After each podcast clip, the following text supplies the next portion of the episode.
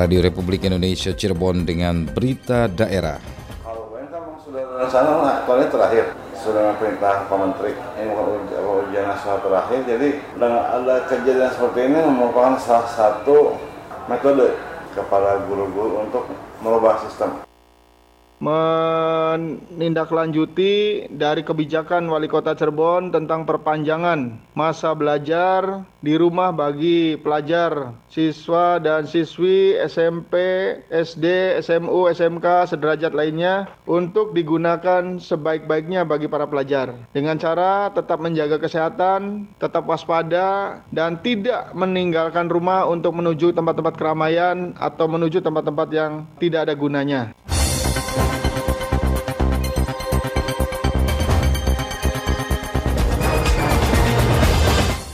Sari Berita.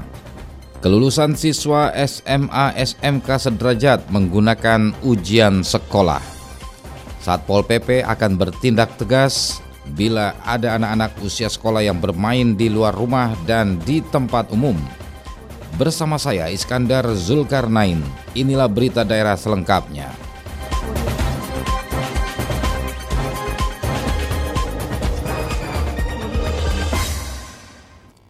Ditiadakannya UN, sekolah menetapkan kelulusan siswa SMA SMK sederajat menggunakan ujian sekolah, foto polio, dan tugas lainnya.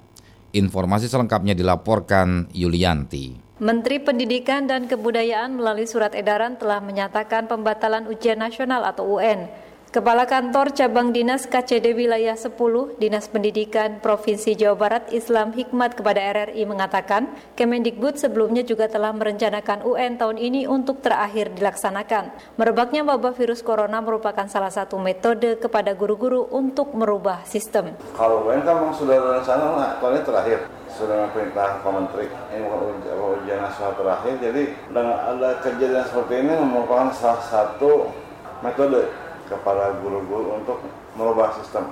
Kan sudah dijelaskan semua tahun ini terakhir dan kemudian terakhir dinodai oleh corona kebetulan sudah berjalan sendiri sudah. Yang berarti tahun depan sudah tidak ada lagi. Saya mungkin akan ada metode baru saya pengajar yang bagaimana harus ujian ke depan. Entah kan disengaja atau disengaja. Pak Menteri sudah mungkin sudah institusi ya. Terakhir tahun ini semua ujian nasional karena kebetulan sedang ada krisis penyakit ya sudah stop aja deh sekalian. Dijelaskan Islam Hikmat dengan ditiadakannya UN, sekolah menetapkan kelulusan siswa SMA SMK sederajat menggunakan ujian sekolah, portofolio kelas 11 hingga 12 serta tugas lainnya. Selain itu, Islam Hikmat menambahkan terkait dengan siswa yang melanjutkan ke perguruan tinggi, Kemendikbud dipastikan sudah menyusun aturan penerimaan mahasiswa baru dengan tidak memaksakan hasil UN sebagai syarat utama. Dalam proses pendidikan tanpa ujian nasional, yang paling penting adalah anak mempunyai intelektual untuk bidang kompetensi yang menjadi dasar keinginannya. Sehubungan dengan penyebaran virus corona, Kemendikbud juga menetapkan proses belajar mengajar menggunakan sistem internet dan sebagian besar pelajar mempunyai handphone sehingga memudahkan pembelajaran kepada siswa. Walaupun secara prinsip hasil proses belajar mengajar melalui online belum terlapor, namun secara keseluruhan diakui sudah cukup baik meski pada umumnya belum belum terbiasa.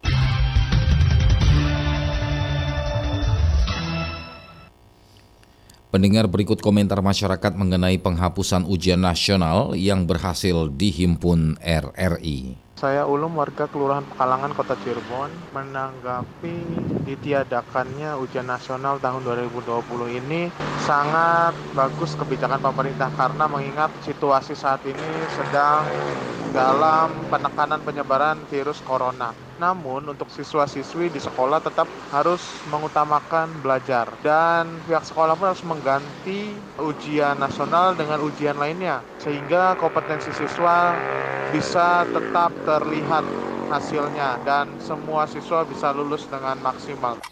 Nama saya Khalid dari Cideng Kedawung. Komentar saya tentang penghapusan ujian nasional tahun ini, saya pikir saya sangat setuju karena guna mencegah penyebaran pandemi virus corona yang saat ini tengah melanda Ibu Pertiwi. Yang kedua, jikapun ujian nasional ditiadakan, maka harus ada tugas-tugas mengganti yang dapat dikerjakan oleh atau siswa. Sehingga siswa tersebut meskipun tidak ada ujian, mereka bisa dapat mengerjakan tugas maupun mengerjakan portofolio misalkan dan tugas-tugas online dan semacamnya. Saya Indra dari Plumbon mengenai ujian nasional yang dihapuskan. Sebenarnya ini kan karena kondisi darurat ya, bukan kondisi normal. Sebenarnya sih kalaupun ujian nasional dihapuskan juga tidak berpengaruh, apalagi kan sudah ada sistem zonasi. Anak-anak sekolah sih tidak ada masalah cuman kan akhirnya kemampuan mereka tidak bisa diketahui apakah memang benar-benar mereka mampu dan tepat di sekolah tersebut atau memang karena faktor lain nah ini menjadi PR oleh pemerintah agar mereka yang uh, ujian nasional dihapus kemudian ada sekolah di tingkat SMP dan SMA mungkin uh, ada semacam verifikasi ulang supaya mereka benar-benar berada di sekolah yang tepat.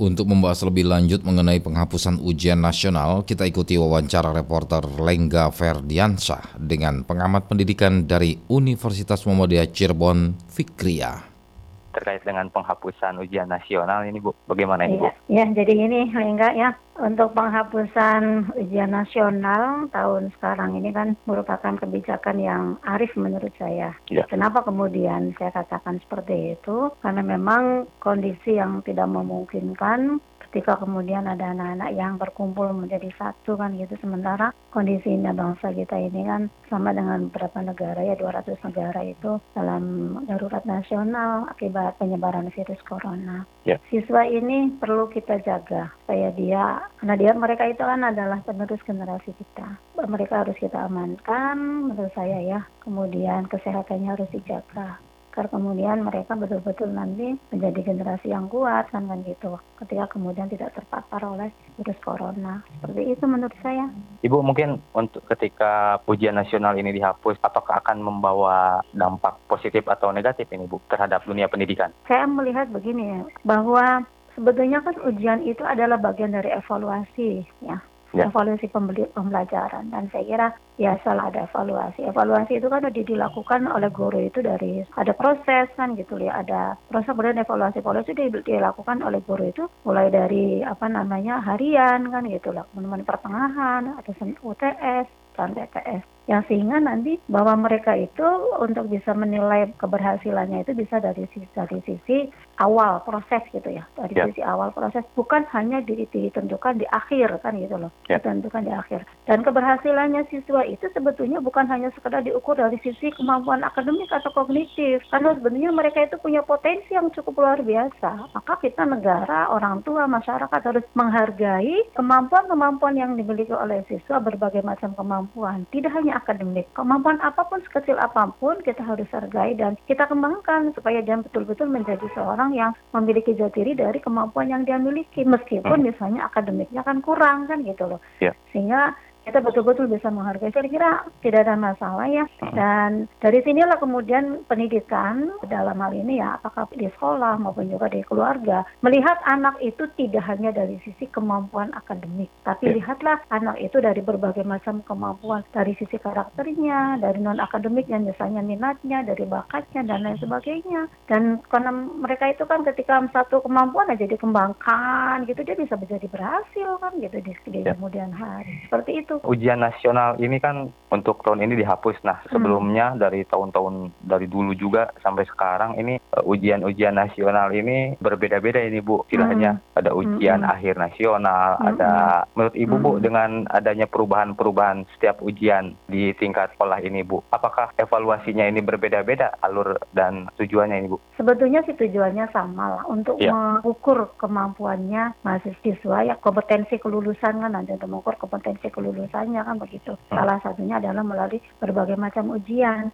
Yeah. Ya dengan ya kebijakannya ya kebijakan ketika apa namanya ya kita kita tidak bisa memungkiri ya ketika hmm. misalnya ada pergantian pimpinan kemudian ada perubahan. Tapi yang intinya sih adalah sebetulnya sama untuk mengukur kemampuannya siswa kan dalam hal kemampuan atau kompetensi kelulusannya kan begitu. Yeah. Hanya menurut saya gitu loh ketika kemudian kita ingin mengukur seseorang berhasil atau tidak itu tidak hanya diukur dari sisi kemampuan akademik, itu yeah. akan jauh lebih arif menurut saya ya. Yeah. Nanti apa namanya siswa itu merasa terhargai sehingga dia, dia tidak percaya dirinya itu akan kuat gitu loh ketika yeah. kemudian dia dikatakan memiliki kemampuan kelulusan bagus tapi kelulusannya itu dari sisi apa mana apa non akademiknya tapi dia tetap berhasil dan menurut saya untuk sekarang ini menjadi keterbukaan sekolah untuk bisa menerima sekolah apa pun apakah orang menganggap bahwa itu sekolah unggul sekolah unggul itu bisa menerima siapa pun tanpa harus kemudian mereka dari unggul lagi begini ya. yang disebut sekolah unggul sekolah dianggap unggul itu apabila dia mampu memproses input apa pun inputnya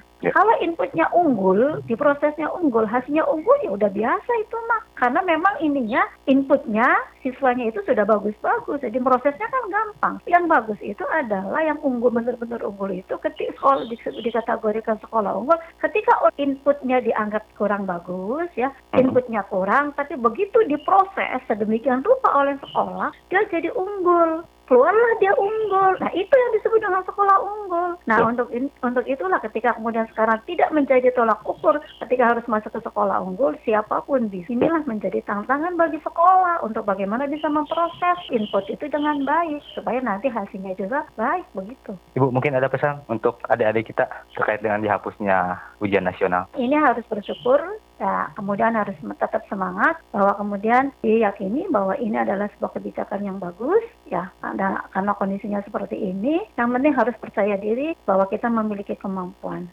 yang luar biasa yang dimiliki oleh anak-anak didik kita dari SD, SMP, SMA dan dia insya Allah ke depan akan berhasil sesuai dengan kemampuan tanpa harus kemudian dari satu titik yaitu adalah dari kemampuan akademik. Jadi harus percaya diri deh. Baik. Ibu Fikriah, makasih waktunya, Bu. Ya, sama-sama.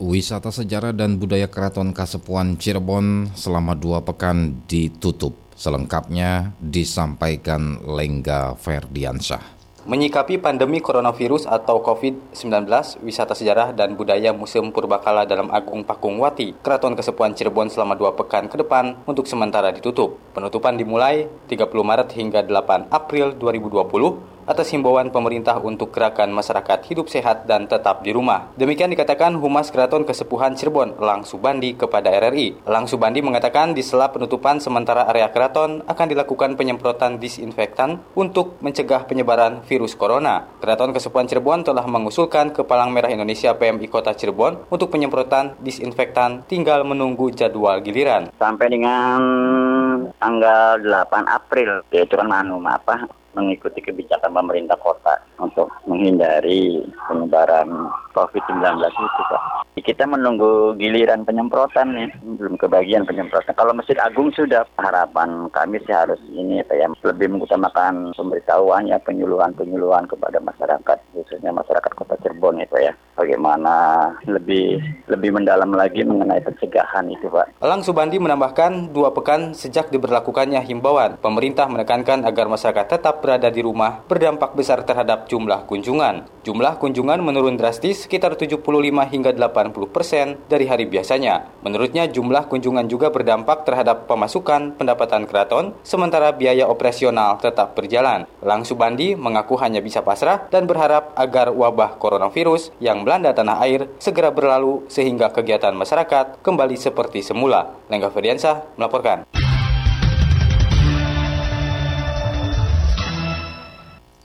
Satpol PP akan bertindak lebih tegas bila ada anak-anak usia sekolah yang bermain di luar rumah dan di tempat umum.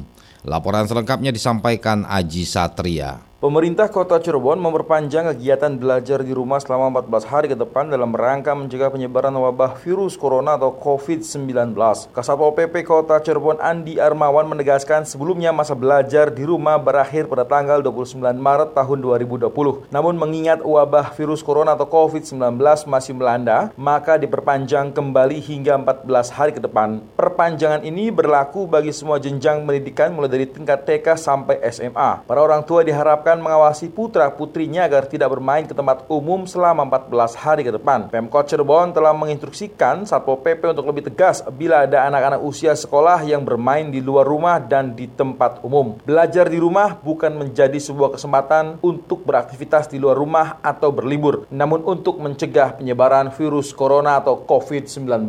Menindaklanjuti dari kebijakan Wali Kota Cirebon tentang perpanjangan masa belajar di rumah bagi pelajar, siswa dan siswi SMP, SD, SMU, SMK, sederajat lainnya untuk digunakan sebaik-baiknya bagi para pelajar. Dengan cara tetap menjaga kesehatan, tetap waspada, dan tidak meninggalkan rumah untuk menuju tempat-tempat keramaian atau menuju tempat-tempat yang tidak ada gunanya. Lebih baik adik-adik belajar di rumah dengan berkumpul dengan keluarga, kemudian menjaga kesehatan karena kesehatan itu sangat penting. Kemudian eh, kami juga melaporkan bahwa kegiatan setelah dikeluarkan kebijakan ini kami akan terus lakukan kegiatan masif kesehatan secara bersama-sama dengan unsur TNI Polri, SKPD terkait lain, Dinas Pendidikan, kemudian Badan Kepegawaian Daerah. Kita akan lakukan juga patroli-patroli gabungan. Kami tidak akan lakukan tindakan yang sifatnya hukum dan sebagainya, tetapi kami lebih cenderung pembinaan, lebih cenderung sosialisasi untuk yang masih saja berada di tempat-tempat kerumunan, tempat-tempat umum yang lain, kita bubarkan. Kemudian silakan kembali ke rumah masing-masing untuk menjaga kesehatan di rumah lebih baik. Lebih lanjut, Andi Armawan menegaskan selama 14 hari ke depan proses pengawasan dan pemantauan para pelajar di kota Cirebon akan lebih ditingkatkan. Jika diketahui ada perkumpulan atau kerumunan akan langsung dipulangkan demi kebaikan dan kesehatan bersama. Aji Satria melaporkan.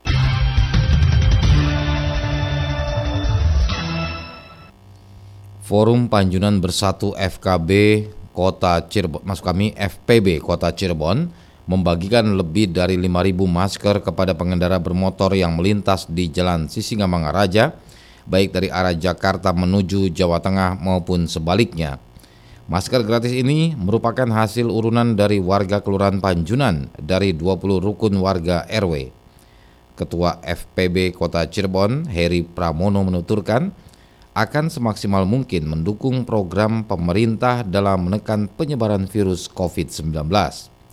Sebelumnya, sempat kesulitan dalam memperoleh masker sebab hampir di seluruh toko maupun agen di kota Cirebon mengalami kekosongan stok. Saat pengumpulan donasi, pihaknya berkoordinasi dengan para pengusaha batubara di Pelabuhan Cirebon untuk memenuhi logistik yang akan dibagikan kepada masyarakat. Sementara Lurah Panjunan Didi Cardi menambahkan, kegiatan sosial itu tidak hanya membagikan masker, tetapi menyediakan hand sanitizer dan sosialisasi untuk menerapkan pola hidup bersih. Selain itu juga melakukan pengawasan terhadap warga pendatang khususnya bagi perantau yang kembali dari wilayah zona merah virus corona.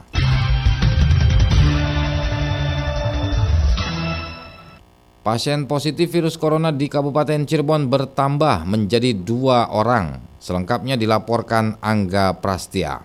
Pasien positif virus corona di Kabupaten Cirebon bertambah satu orang dengan jenis kelamin perempuan usia 33 tahun sehingga total menjadi dua orang.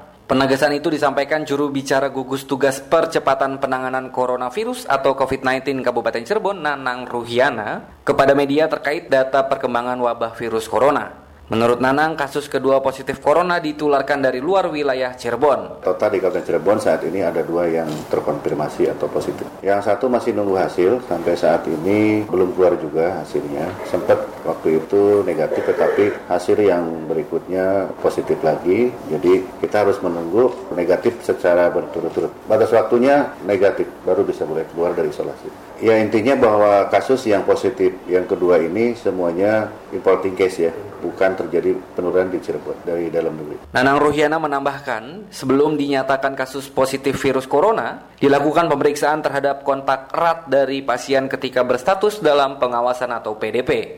Setelah ditetapkan positif virus corona, kontak erat juga harus dilakukan pemeriksaan swab.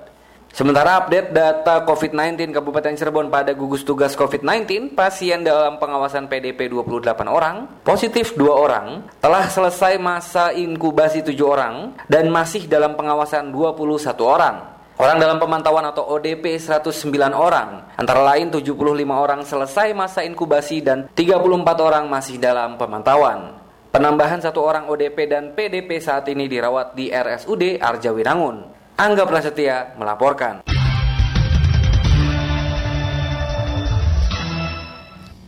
Pemkap Cirebon antisipasi kedatangan para perantau dari wilayah epicentrum virus corona termasuk datangnya rombongan santri Lirboyo. Informasinya dilaporkan Naila Fitriana. Pemerintah Kabupaten Cirebon terus berkoordinasi dengan desa dalam penanganan pemudik atau perantau yang pulang ke daerahnya masing-masing. Hal itu dilakukan menyusul jumlah perantau yang masuk ke Kabupaten Cirebon terus bertambah. Hal tersebut dikemukakan Bupati Cirebon Haji Imron kepada media usai mengikuti arahan Gubernur Jawa Barat Ridwan Kamil melalui video conference. Menurut Bupati, Pemkap melibatkan pemerintah desa untuk melakukan pendataan terhadap warganya yang menjadi perantau dan data sementara yang berhasil dikumpul oleh desa sebanyak seribu lebih perantau masuk ke Kabupaten Cirebon. Disebutkan Imron dalam arahan Gubernur Jabar menegaskan bagi para perantau yang masih berada di kota besar seperti Jakarta tidak perlu khawatir dan memaksakan diri untuk pulang ke kampung halaman karena Pemprov DKI Jakarta akan menanggung kebutuhan warganya. Sementara menyinggung kepulangan para santri yang mondok di Ponpes Lirboyo Kediri, Jawa Timur, Bupati Imron menambahkan sebelum dipulangkan ke rumah, diupayakan untuk diperiksa kesehatannya. Ya kalau bisa santri ini sebelum ke tempatnya kita di, ada pengecekan dulu, ataupun nanti para apa, uh, santri-santri ataupun masyarakat yang datang, uh, terutama dari zona merah, kalau bisa datang di, di ada pemeriksaan dulu. Selain itu, tegas Imron, pihaknya memastikan tidak akan melakukan lockdown atau karantina wilayah sesuai dengan arahan gubernur. Meski demikian, pihaknya membolehkan bila lockdown dilakukan secara parsial di tingkat desa atau kecamatan. Nila Fitriana melaporkan.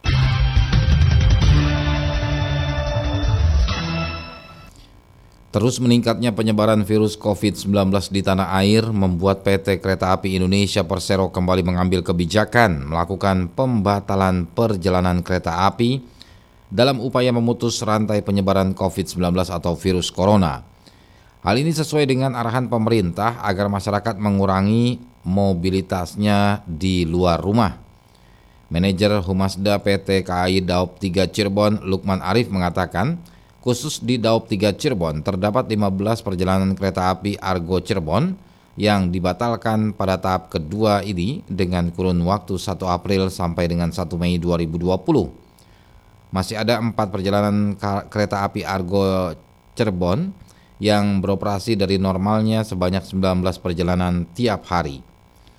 Meski terdapat beberapa pengurangan jadwal, Daup 3 Cirebon memastikan jarak antar penumpang di kereta tetap akan diterapkan melalui pengaturan oleh kondektur. Saat ini volume penumpang juga tidak sepadat di waktu normal, bahkan jauh menurun. Volume penumpang stasiun keberangkatan di area Daup 3 Cirebon rata-rata mengalami penurunan hingga 47% persen dibanding hari normal. Sebelumnya, 5.800 orang lebih per hari menjadi sekitar 3.000 penumpang.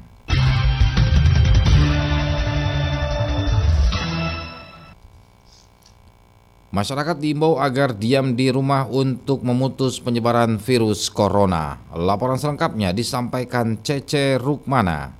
Menyikapi masih bertambahnya orang dalam pemantauan ODP dan pasien dalam pengawasan PDP, masyarakat agar tinggal di rumah untuk mencegah penyebaran virus corona. Himbauan tersebut disampaikan Direktur Utama RSUD 45 Kuningan, Dr. Deki Saifullah, menyikapi perkembangan virus corona saat ini. Dr. Deki juga meminta peran aktif masyarakat untuk memutus mata rantai penyebaran virus corona selain dengan berdiam diri di rumah masing-masing, juga melakukan isolasi diri. Bagi perantau terutama yang datang dari zona merah agar segera melakukan melapor ke aparat setempat. Apabila mengalami gangguan kesehatan dengan gejala suhu badan panas dan pilek, segera menghubungi petugas kesehatan terdekat sehingga petugas di puskesmas dapat menyeleksi kesehatan sebelum dirujuk ke rumah sakit. Agar seluruh warga masyarakat Kabupaten Kuningan mematuhi anjuran pemerintah daerah untuk tidak melakukan aktivitas di luar rumah.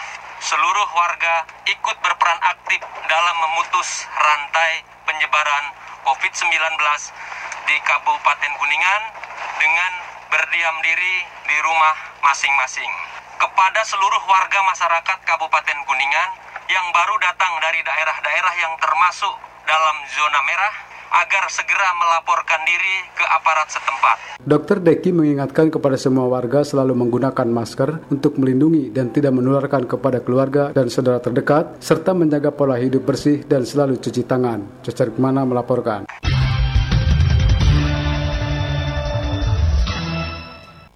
Saudara sekian berita daerah, selamat pagi. Demikian rangkaian berita aktual pagi ini dalam Buletin Berita Daerah Radio Republik Indonesia Cirebon.